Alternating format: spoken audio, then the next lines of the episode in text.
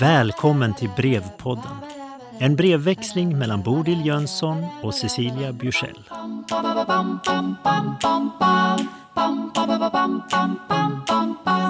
Cecilia, brev 13. Bodil, tala i silver, tiga i guld heter det ju. Ordspråket uttrycker att man inte behöver säga allt man vet eller prata i tid och otid. Ett annat talesätt är att vi har en mun och två öron. Alltså ska vi lyssna dubbelt så mycket som vi talar. Jag gillar tanken på att skrivandet är en sorts lyssnande till det inre. Till och med en kommunikation med sig själv. Det tysta läsandet är också en form av lyssnande. Du ger exempel från arbetslivet och lärjungar i antikens Grekland. Men jag tänker att det där behöver vi hela livet och i alla sammanhang. När jag skriver det här är det långfredag. Jag har fått berättat för mig hur det var förr i tiden, då man skulle sitta uppklädd i tystnad och stillhet för att minnas och sörja Jesu lidande och död på korset. Många som var barn då upplevde det här som plågsamt tråkigt. I religionen finns det ofta inbyggd tid för meditativa stunder. Stunder att lyssna inåt och utåt. Det sker ett lyssnande genom meditation, bön, gudstjänster, retreater och liknande. Även om Jesu lidande inte är det roligaste att tänka på, så kanske det finns en poäng att lyssna in under både svåra och mer lättsamma delar av livet. Det här är en kontrast mot idealet att det är aktivitet som räknas och att du ska undvika passivitet. I skolan har det till och med blivit så att den som inte är aktiv och pratar kanske till och med ses som en bristfällig elev. Vilken skillnad mot de lärjungar som inte fick säga någonting under första året. Som en variant på det här temat kan jag berätta att jag gick en kurs i högskolepedagogik och ett tips jag fick med mig var att våga vänta in den studerande som måste ta sina egna steg i lärandet. Den lärare som snabbt tillhandahåller färdiga lösningar och färdiga tankar kan uppfattas som en kompetent och närvarande lärare. Men det kan vara en björntjänst att göra på det här sättet. Studenten berövas då ett stillastående och ett inlyssnande som ger möjlighet att låta egna tankar gro och bli en del av det kunskapsträd som vi tidigare har pratat om. Lyssna eller tala, passivitet eller aktivitet. Det aktiva och pådrivande bereds plats på bekostnad av det reflekterande och långsamma. Det är mer yang än yin om vi säger så. Nej, nu pladdrar jag på. Jag borde sitta tyst och kontemplera. Det är ju ändå långfredag. Eller borde vi kanske säga långsamhetsfredan för att betona vikten av passivitet i våra liv? Stillsamma hälsningar, Cecilia. Bodil, brev 13. Vet du Cecilia, nu är det annandag påsk.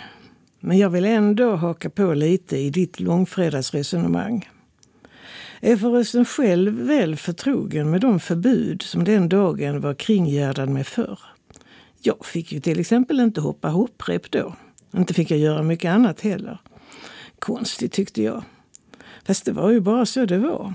Och förresten var det trots allt lite spännande med denna annorlunda dag då det annars legitima och invanda var förbjudet. Ja, till och med ännu mer förbjudet än vad det ändå mesta var på årets 52 söndagar. Visst blev det mer praktiskt när människan senare gjorde den ena dagen till den andras avbild. Utifrån dagens så kallade kundfokus framstår det ju som obegripligt att posten och banken och affärerna och Systembolaget förr höll stängt när kunderna hade slutat sina arbetsdagar och då skulle kunna köra sina inköp, hämta paket och gå på banken. Ja, barockt var det. Men missa inte att det också fyllde en viktig funktion. Samhället var uppbyggt kring en gemensam rytm. Och avregleringen av affärstider med mera fick en rejäl negativ bieffekt. Borta var den gemensamma rytmen.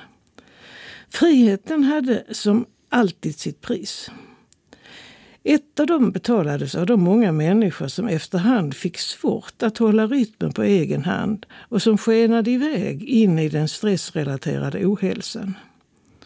Somliga hade kunnat slippa det med gemensamt reglerade veckodagar kvar som styrmedel. Nu gör jag ett hopp och landar i dina tankar om hur den inspirerade och inspirerande läraren ibland kan vara till mer skada än nytta. Då den följsamme eleven tack vare det medryckande i den själventusiastiske lärarens framställning slipper upptäcka och brottas med sina egna svårigheter att förstå. Nu kan ju hen liksom bara glassa med. Och därtill vara väldigt nöjd med både läraren och sig själv. Men till vilken nytta? Eftersom du så tydligt påtalar att läraren kan behöva vänta in eleven, jag håller förstås med, så väljer jag att företräda den andra uppfattningen. Det är banne mig inte fy skam att först få åka snålskjuts på lärarens förståelse så att man därmed hinner komma långt in i själva temat innan man märker att man kanske inte har fattat vare sig det ena eller det andra. Om man då tillåter sig och tillåts, kanske rent av utmanas, att börja undra. Och om dessutom läraren eller en medstuderande finns inom räckhåll för fortsatta resonemang, ja då kan man hitta en gudabenådad lärarsituation. Nära anknutet till detta kan det vara att lärare uppmuntras att öka sin känslighet för något som jag kallar för UEQ, Unexpected Questions. Inte bara de invanda FAQ-erna, det vill säga Frequently Asked Questions. Det är ju inte alla studenter som har förmågan eller driften att låta de egna undringarna hinna ifatt dem, brottas med dem och också framföra dem. Men en öppen lärare kan spara på UEQ, Unexpected Questions, och efterhand låta dem ingå i den i övrigt väloljade framställningen. Det kan bli många studenter till gagn. Överhuvudtaget är ju lärandet uttalat iterativt. Jag lovar dig Cecilia, jag är fortfarande inte fullärd, vad nu det skulle vara. Utan jag undrar över mycket var eviga dag. Också över sånt som jag tidigare trott mig förstå fullt ut.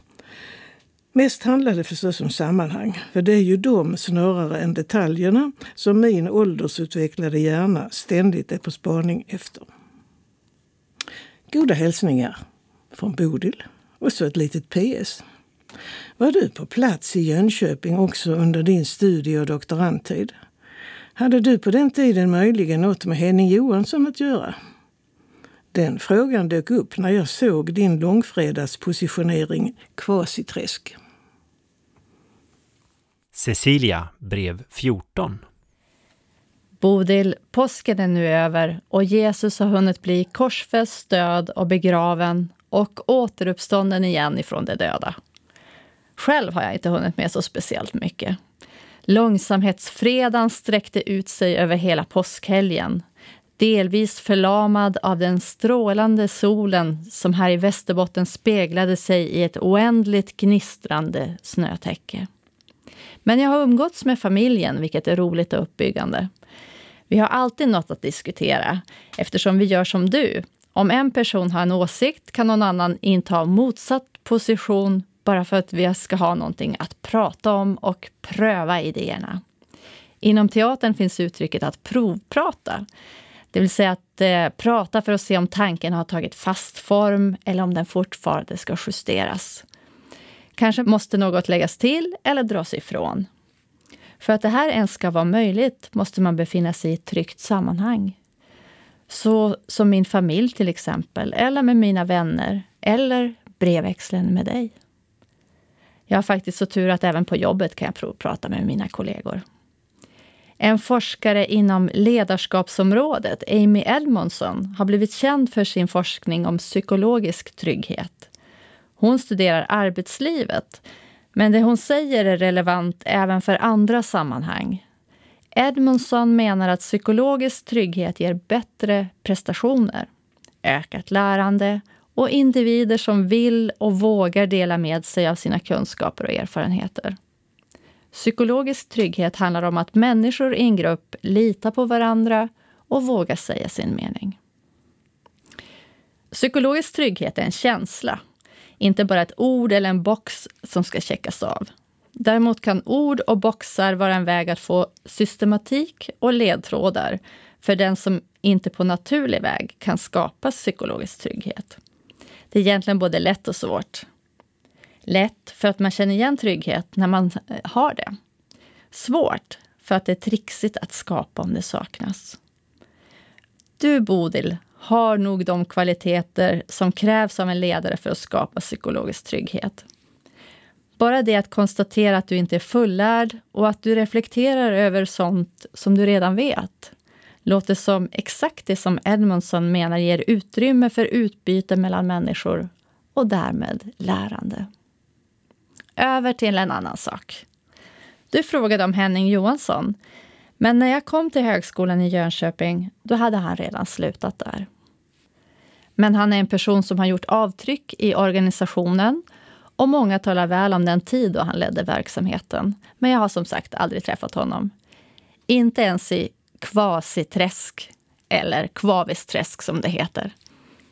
Namnet Kvavisträsk betyder helt enkelt kvav, is och träsk, det vill säga sjö. Eh, den här sjön eh, kännetecknas av att det ibland blir syrebrist och fiskarna kvävs. Förr i tiden sa man att fisken kvävdes vart fjärde år. Men det kanske inte exakt stämmer, utan det händer i alla fall med jämna mellanrum. Då det hände brukade man hugga vakar så att fiskarna kunde komma upp till luften och andas. Men där kunde även vi i byn hova upp hinkar med fisk. Det var mest abborre, gädda och mört, så ingen exklusiv fångst. Men min katt Charlie tyckte om färsk fisk. När jag sen flyttade och blev student i Lund kunde jag nästan skämmas över att komma från en liten by i norra Norrlands inland istället för från en känd akademikerfamilj där alla hade spännande titlar och kunde alla akademiska traditioner utan och innan. Med tiden har det här vänt och jag uppskattar det enkla livet. Inget uppstyltat utanpåverk, bara jordnära levande. Hem till byn är min livlina. Det är där jag hämtar kraft och laddar om. Jag längtar mer och mer tillbaka till platsen jag kommer ifrån. Det är som att livsbanan har böjt sig nära på ett helt varv och jag vill tillbaka till startpunkten.